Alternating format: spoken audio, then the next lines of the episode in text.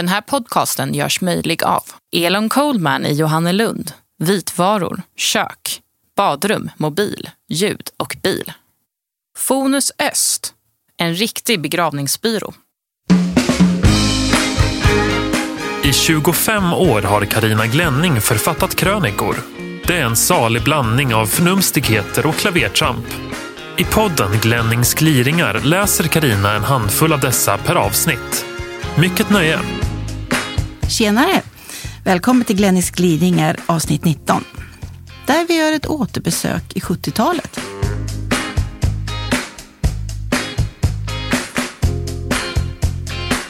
Kafka hade det inte lätt.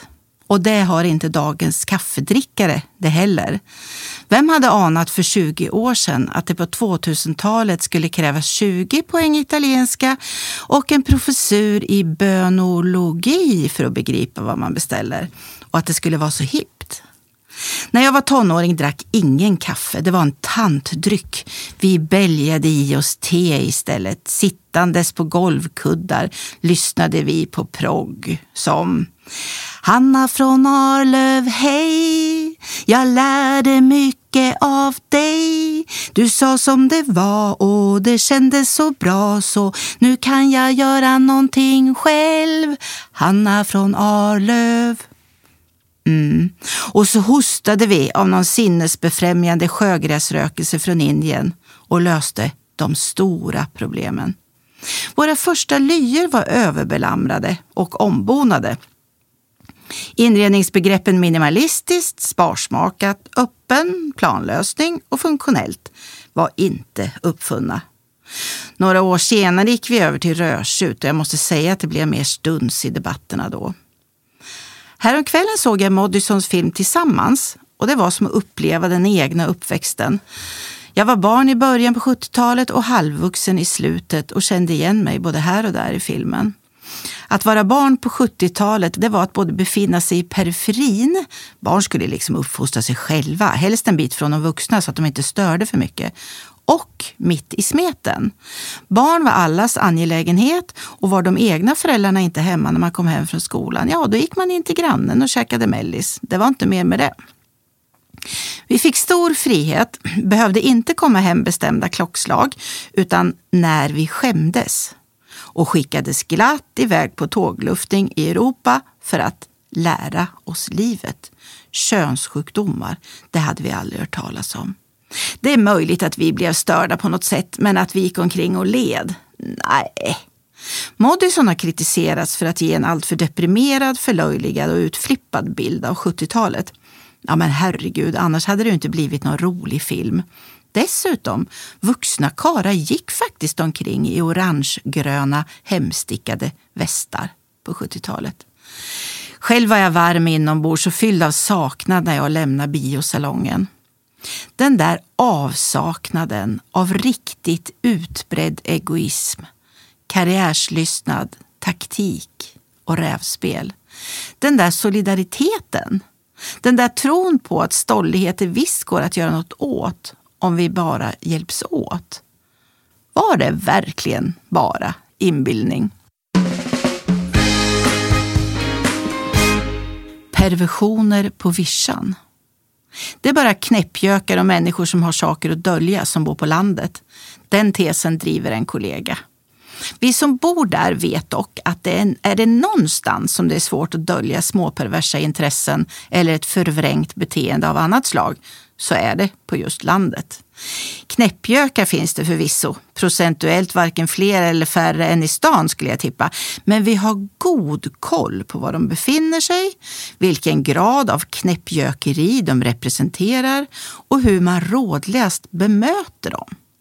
Jag bodde i lägenhet i Linköping i åtta år. Jag sa hej till grannarna när vi möttes, men visste just ingenting om dem. De var snälla och vänliga och hade säkert ställt upp och hjälpt mig om det hade behövts, men jag vet inte, jag drog mig av någon anledning för att fråga.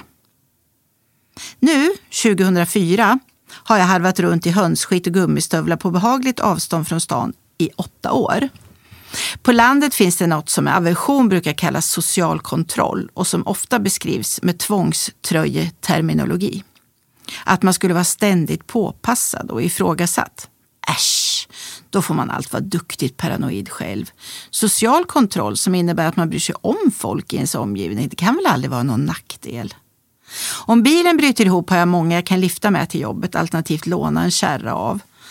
När vi hade långvarigt strömavbrott lagade jag mat hos en granne, en annan körde hem vatten till oss i stora dunkar. Vi tar hand om varandras husdjur under semestern, lånar verktyg och ingredienser, kör varandras ungar hit och dit och gör vissa gemensamma inköp för att spara pengar. Om man ska klara sig på landet måste man hjälpas åt. Man måste använda varandra. Det innebär att inte att vi springer ner dörrarna hos varandra eller idkar umgänge stup i kvarten. Men hjälpen finns där om och när jag behöver den. Under sommarmånaderna händer det förvisso att vi alla knäppjökar grillar loss tillsammans eller spikar koskjul och har efterföljande partaj. Men det brukar inte inträffa besynligare saker än på fester i allmänhet. På landet har vi årstider också. Vintern är vit, inte avgasgrå. När det är smällvarmt doftar det mättad, lustfylld natur, inte kladdig asfalt. Och så slår hjärtat långsammare här ute. Det behövs i allt vår mer uppskruvade tid där människor blir vidbrända, utbrända, totalförkolnade i skallen och rusar in i väggar på samma löpande band som de springer på, på gymmet. Ofta är det tyst också. Om man låter sig bli en del av den tystnaden kan man höra ett eftersläntrande höstlöv släppa taget och sakta singla ned mot sin väntande förmultning. Och själen får sin vila. Vill du bli fadder till en invandrarfamilj? Vill du också bli fadder till en invandrarfamilj? Ja, snart får du chansen. Regeringens arbetsgrupp för minskade klyftor mellan svenskar och invandrare presenterar i dagarna, april 2001, sitt nya förslag. Det går i korthet ut på att alla svenskar som vill och blivit godkända ska få fungera som faddrar till såväl flyktingar som andra invandrare. Ninni Naiv, som leder gruppen, menar att det vore väl själva 17 om inte svenskar ska kunna ta ett fadderansvar för människor som befinner sig inom landet när vi kan göra för exempelvis sydamerikanska barn samt skänka stora pengar när det ordnas glassiga faddergalor i tv. Det ska dessutom upprättas en särskild jourtelefon dit vanliga Svenssons kan ringa och erbjuda snabb hjälp, mat och tak över huvudet vid speciella nödsituationer. Som till exempel när tusentals jugoslaviska kvinnor med barn för ett par år sedan behövde blixtsnabb hjälp under en begränsad tid. En stor SIFO-undersökning har visat att en majoritet av svenska folket har såväl ekonomi och bostadsutrymme som en stor vilja att hjälpa på ett så handfast sätt som möjligt.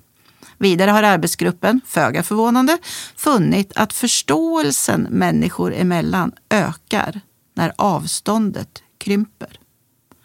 Efter åratals utredande står det nämligen klart att den politiskt korrekta modell för integration som hittills har praktiserats snarare har ökat än minskat klyftorna mellan svenskar och invandrare. Tämligen normala svenskar har buntats ihop till fördomsfulla radhussvenskar och deras okunskap om och instinktiva rädsla för det främmande har fått etiketten smygrasism. Det har, visar det sig, lett till att många invandrare verkligen tror att majoriteten av svenskarna, ja, de är rasister. Det har också lett till att radhussvenskarna inte vågar öppna munnen när det handlar om någonting som har med en annan nationalitet eller kultur att göra. Åtminstone inte i större sällskap. I vissa fall har det gått så illa att radhussvenskarna blivit så förbannade över rasiststämpeln att ett frö till verklig rasism har börjat gro. Arbetsgruppens missnöjesfalang, ledd av Bosse byråkrati, har idiotförklarat hela fadderidén. Han anför bland annat argumentet citat, antalet tolkar och socialsekreterare är inte tillräckligt stort för att man ska kunna ha ett par i varenda radhuslänga. Slutcitat. Falangen har dock blivit nedröstad med argumentet att när människor verkligen vill och anstränger sig för att förstå varandra så lyckas de också. Är allt det här ett aprilskämt? Ja, det är klart.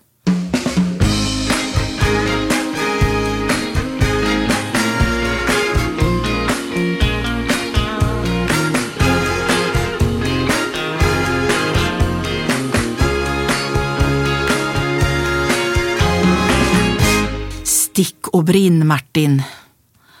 Rrr. Fast så låter väl inte en enda telefon numera. Rrr. Ja, det är Karina. Hej Karina!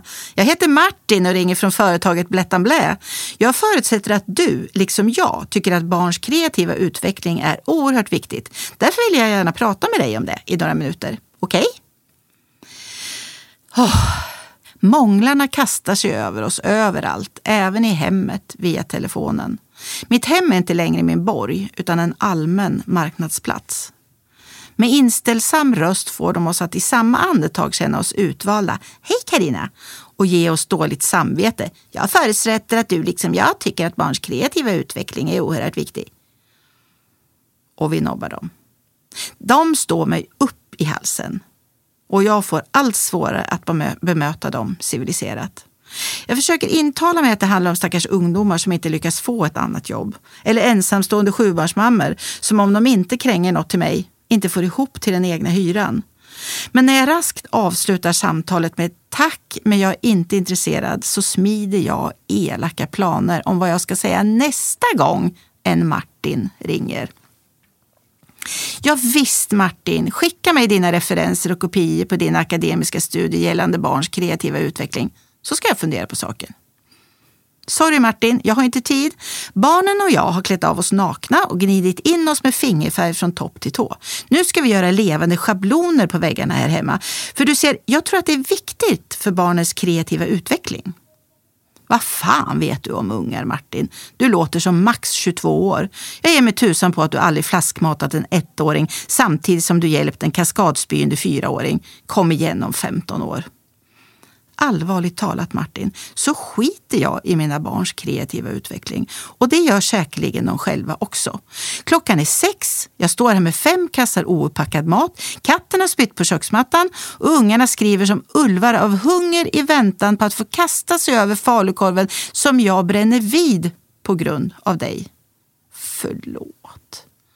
Härmed vill jag säga förlåt till alla telefonförsäljare som haft oturen att ringa till mig när jag är stressad eller bara varit på uselt humör. Ni gör ju bara ett jobb, jag vet. Jag är en usel människa. Karaktärslös och usel, det är vad jag är. Oavsett om mina nyårslöften handlar om att börja eller sluta med något så går det åt skogen. Så nu har jag slutat lova. År 2002 ska jag varken börja eller sluta med någonting. Åtminstone ska jag inte lova att göra det. Det lovar jag. Överst på min tio i topplista över nyårslöften står att sluta snusa. Det har jag gjort lika många gånger som jag har börjat igen. Det är för bedrövligt. Men egentligen är det inte mitt fel utan läkemedelsindustrin och eftersom jag inte hittills i mitt liv gjort något riktigt stort och ädelt donerar jag härmed min kropp till forskningens tjänst. I uppslagsverken kan barnbarnen läsa om mig. Det var den kvinnan som osjälviskt upplät sin kropp för forskning för att få fram ett preparat som räddade hundratusentals människor ur drogträsket. Vi snusare ignoreras ju fullständigt av vårdapparaten. Bortsett från när jag var gravid och när jag ammade har jag snusat i hela mitt liv. Tyvärr börjar jag bli för gammal för att, ständigt, för att ständigt vara på smällen. Jag har slutat snusa åtminstone 20 gånger och börjat lika många. Trots att vi snusare är inbitna nikotinister är vi inte betjänta av tuggummi, minttabletter, nikotinplåster eller små plastpinnar som ska likna cigaretter. Det är nämligen inte nikotinbegäret som är det värsta för en snusare, utan snuttbehovet. Snus är för oss vad nappen är för spädbarn en liten polare som visserligen ger oss fula tänder och högt blodtryck men som skänker oss trygghet i en tuff värld. Det talas inte så mycket om detta eftersom de flesta snusare är män som tycker det är lite pinsamt att som vuxen kar inte vara kvitt snutteriet. Vad vi behöver är en nikotinfri smörja att stoppa under läppen och det är här jag erbjuder mig som försökskanin. Det handlar mycket om konsistensen. Det måste gå att buffla omkring med den under läppen. Det får inte vara så lös att den rinner och inte så hård att den ger skavsår. Som kaffebönor som jag har testat. En kollega provade med ihopknölat toalettpapper men efter att ha förbrukat 6-8 lastpallar bröt en svårartad allergi upp i munhålan. Russin har en bra konsistens, men de är för söta.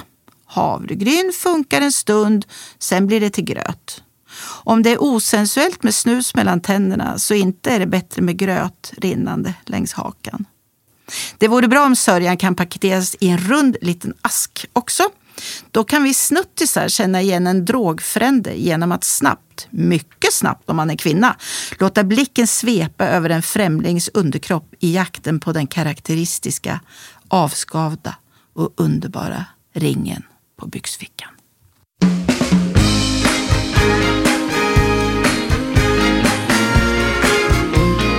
Har lyssnat på Glennings gliringar.